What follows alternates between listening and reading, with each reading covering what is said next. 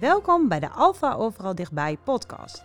In deze podcast geven we jullie een kijkje in onze organisatie Alpha Accountants en Adviseurs. We vertellen jullie over onze klanten, over onze dienstverlening en onze ambities. Ook geven we tips met als doel om jullie te inspireren en te motiveren. Mijn naam is Annemiek Pelle en ik ben werkzaam op de afdeling Marketing Communicatie van Alpha in Wageningen. In deze eerste aflevering sta ik samen met Marco Vermin, lid van de Raad van Bestuur van Alpha, stil bij de coronacrisis.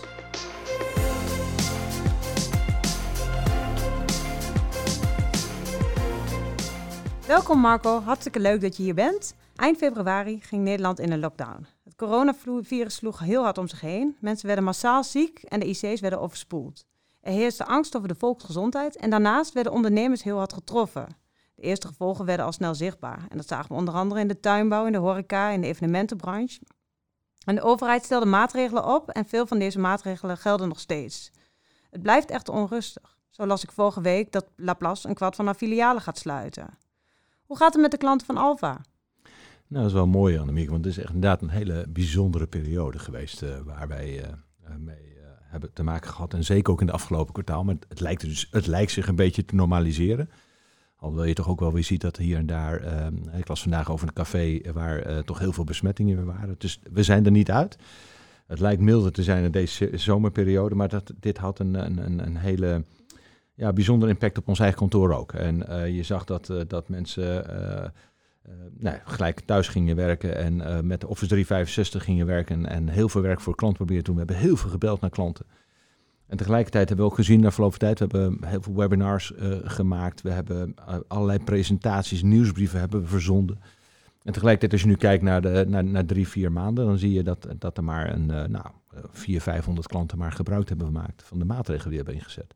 En dat valt dus reuze mee. Stonden wij ook van te kijken. We dachten, nou, de, uh, alle ondernemers worden daar door geraakt. Mm -hmm. Maar het is eigenlijk maar een relatief klein onderdeel geweest van de klanten die daar uh, nogmaals gebruik van gemaakt hebben. Ik denk dat we nou, 400, 500 klanten van onze bijna 18.000 klanten uh, hebben maar van de maatregelen gebruik gemaakt.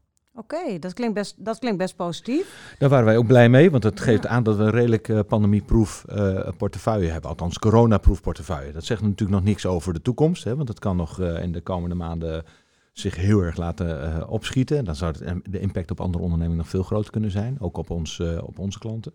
Maar zoals het er nu uitziet, ziet het er redelijk goed uit. Mooi, mooi. Oké, okay, veel ondernemers kunnen dus rekenen op diverse noodmaatregelen. En in enkele branches, sectoren ben je hier vast en zeker mee geholpen. Maar je moet ook vooruitkijken. Ja. Um, stel je nou voor, je hebt een familiebedrijf in de horeca en je bent hard getroffen. Je hebt wellicht nog wel een eigen vermogen opgebouwd voor je oude dagsvoorziening. Ga je dit dan nu ook gebruiken om je bedrijf te redden met alle risico's van dien? Ja. Want je weet, je weet natuurlijk niet hoe het nu verder gaat. Nee, maar dat is een hele mooie vraag, uh, Annemiek. Want dit is inderdaad waar heel veel van onze ondernemers best wel mee geconfronteerd worden. Hè. Ondernemer doe je ook vanuit je passie. En uh, daar stop je je geld in. Dat is je pensioen. Uh, je wilt het liefst ook nog kunnen overdragen aan andere mensen. Misschien wat liefst aan je kinderen ook. Dus dat opgeven is, is ehm, heel erg moeilijk. Dat realiseer ik me heel erg goed. En dat, dat ervaren we ook bij, bij onze klanten. En tegelijkertijd verwacht je van ons als adviseur dat we de klant gaan helpen om goede afgewogen beslissingen te nemen. Dat ze niet uh, al het geld erin stoppen. Uh, dat ze misschien wel een soort buffer aanhouden uh, voor hunzelf, voor de oude dagsvoorziening. Tegelijkertijd realiseer ik me ook weer, ja, weet je, ondernemer is, is een, een levensstijl. dat is een, een, bijzondere gave, een bijzonder talent vind ik ook altijd maar. En dat doe je juist door risico's te nemen. En ja. juist ook deze periodes onderscheid je je ondernemerschap zich ook. En tegelijkertijd, en daar zal ik het zo ook nog wel over hebben met jou, is wat, wat, wat kun je dan wel doen om te zorgen uh, om een goede beslissing te nemen? En dan zeg ik altijd, dan begint het altijd weer terug en dat roept zo'n crisisperiode altijd op. Waar, waarom ben ik eigenlijk met dit bedrijf begonnen? Waarom, wat is mijn passie eigenlijk met dit bedrijf? Wat wil ik eigenlijk met dit bedrijf uh, be bereiken? Wat voor producten wil ik eigenlijk leveren? Dus eigenlijk nog eens een keer teruggaan naar de why van je bedrijf en de stip op de horizon neerzetten. Waar wil ik dan echt naartoe groeien? En dan kun je ook, denk ik, veel makkelijker een afgewogen beslissing nemen. Ga ik nu wel investeren of niet? Het blijft altijd een risico. Ga je ja. juist wel in een crisisperiode investeren of niet? Maar goed, nogmaals, uh, goede afgewogen beslissingen beginnen altijd weer even terug naar die basisvraag. Van waarom wil ik dit eigenlijk doen? Ja, eens, eens. Oké, okay, um, we hebben tegelijkertijd in deze coronacrisis ook gezien dat uh, klanten innovatiever worden. Hè?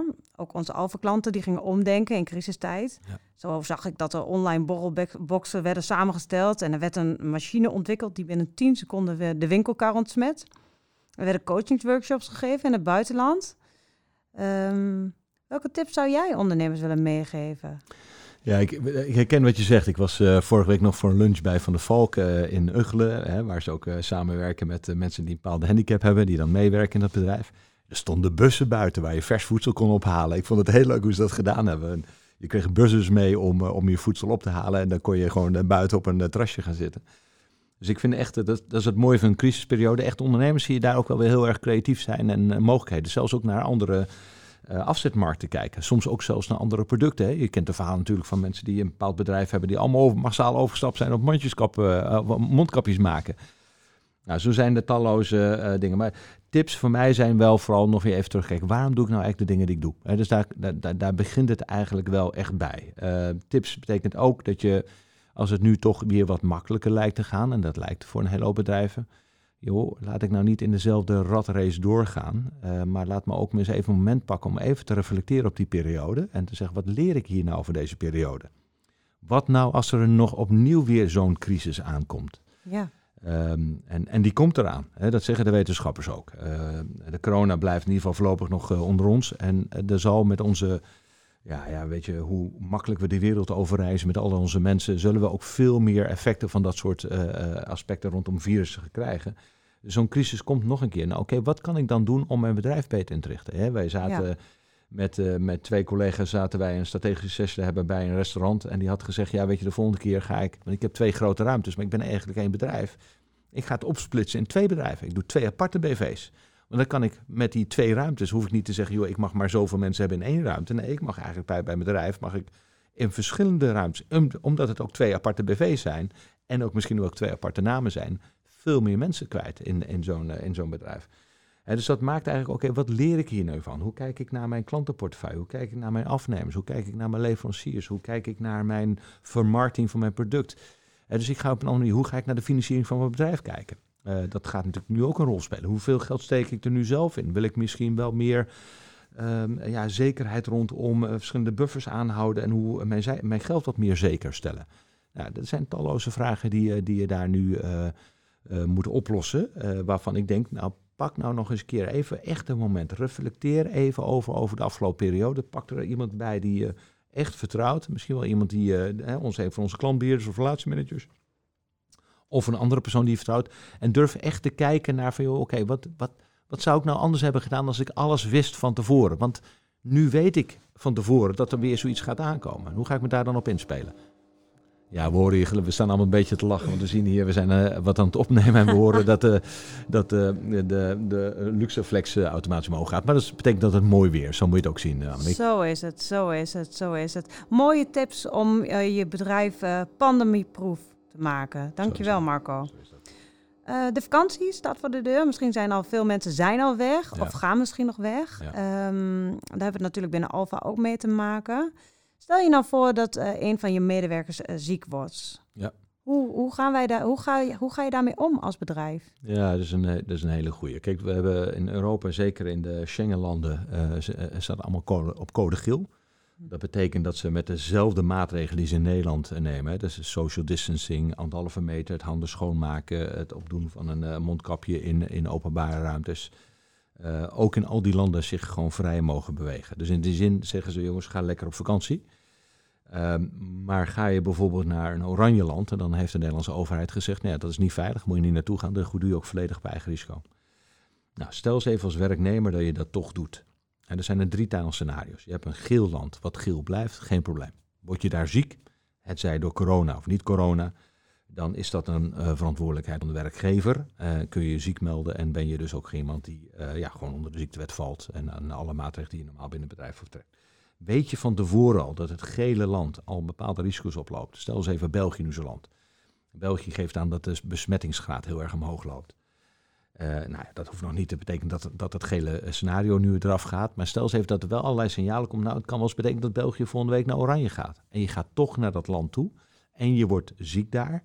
Dan neem je als werknemer een bepaalde verantwoordelijkheid op je.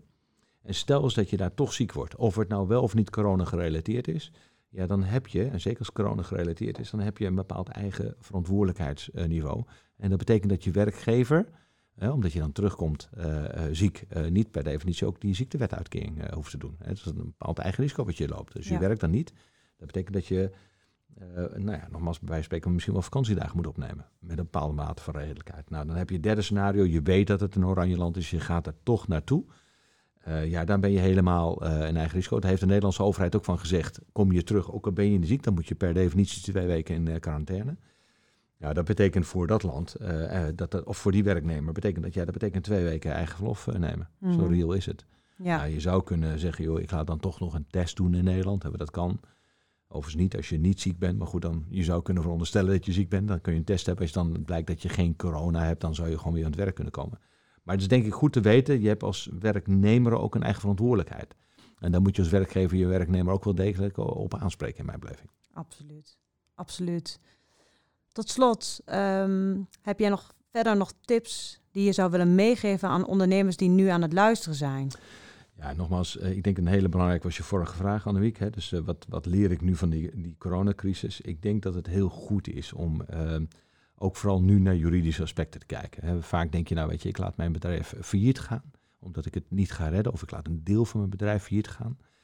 Nou, dat kan vaak niet, omdat je alles in één deel hebt zitten, in één entiteit, noem maar een één BV, zeg maar eens eventjes. Ja, dan moet je hele BV failliet gaan, mhm. terwijl je misschien eigenlijk maar een stukje zo failliet laten gaan. Nou, dat kan, kan men niet meer regelen binnen een periode van een jaar.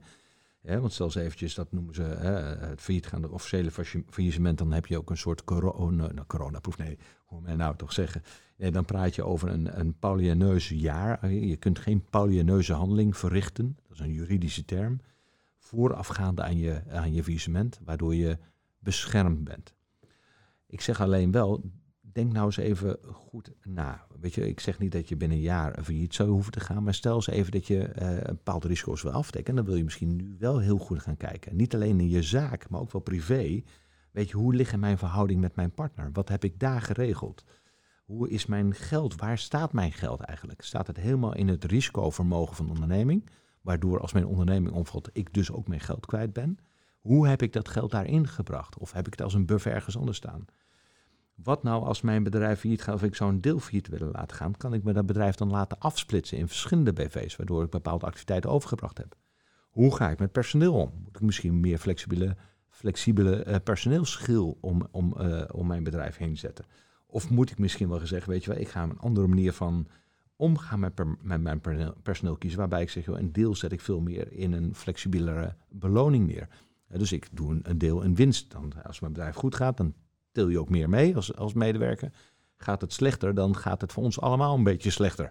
Hoef ik misschien mensen ook niet te ontslaan, kan ik mensen ook langer laten uh, betrokken zijn. Met ook het voordeel, wat je vaak ziet, dat blijkt ook uit studies, dat, dat mensen mee kunnen delen in, in een winst van een onderneming. Dan voel je ook meer eigenaar van het bedrijf. En ben je dus ook bereid om, als het bedrijf slechter gaat, ook een, net even een stapje verder te gaan en niet zo snel op te geven. Nou, er zijn talloze uh, fiscale, juridische, uh, ook op werknemersvlak uh, mooie regelingen die juist nu misschien wel van toepassing kunnen zijn om je bedrijf richting de toekomst beter te kunnen inregelen. Dus nogmaals, dat zou mijn tip zijn. Nogmaals, ga alsjeblieft even een keer met iemand zitten. Goed reflecteren. De vakantieperiode daagt daar misschien ook wat toe uit. Hè. Ik neem altijd goede boeken mee en ik ben altijd aan het reflecteren. Uh, wat leer ik nou van het verleden en hoe zou ik dat nou technisch het beste kunnen inregelen richting de toekomst? En dan moet ik vooral niet fiscaal kijken. Ik moet juist juridisch kijken. Want fiscaal ga je misschien optimale andere keuzes maken. Maar je moet nu, dat heeft de coronacrisis ons nu geleerd. Ik moet vooral nu juridisch goed gaan kijken. Heb ik mijn risico's goed afgedekt? Want ik ben wel ondernemer, want ik wil wel blijven ondernemen. Stip op de horizon, goede visie maken, je waarde bepalen, maar wel nuchter blijven nadenken. Marco, dankjewel voor al je input. Uh, ik denk dat het uh, veel stof tot nadenken is voor ondernemers. Um, mochten jullie vragen hebben, uh, stel deze gerust aan een betrouwbaar iemand zoals jou aangaf. ook onze adviseurs zijn natuurlijk altijd bereikbaar om, om je te woord te staan.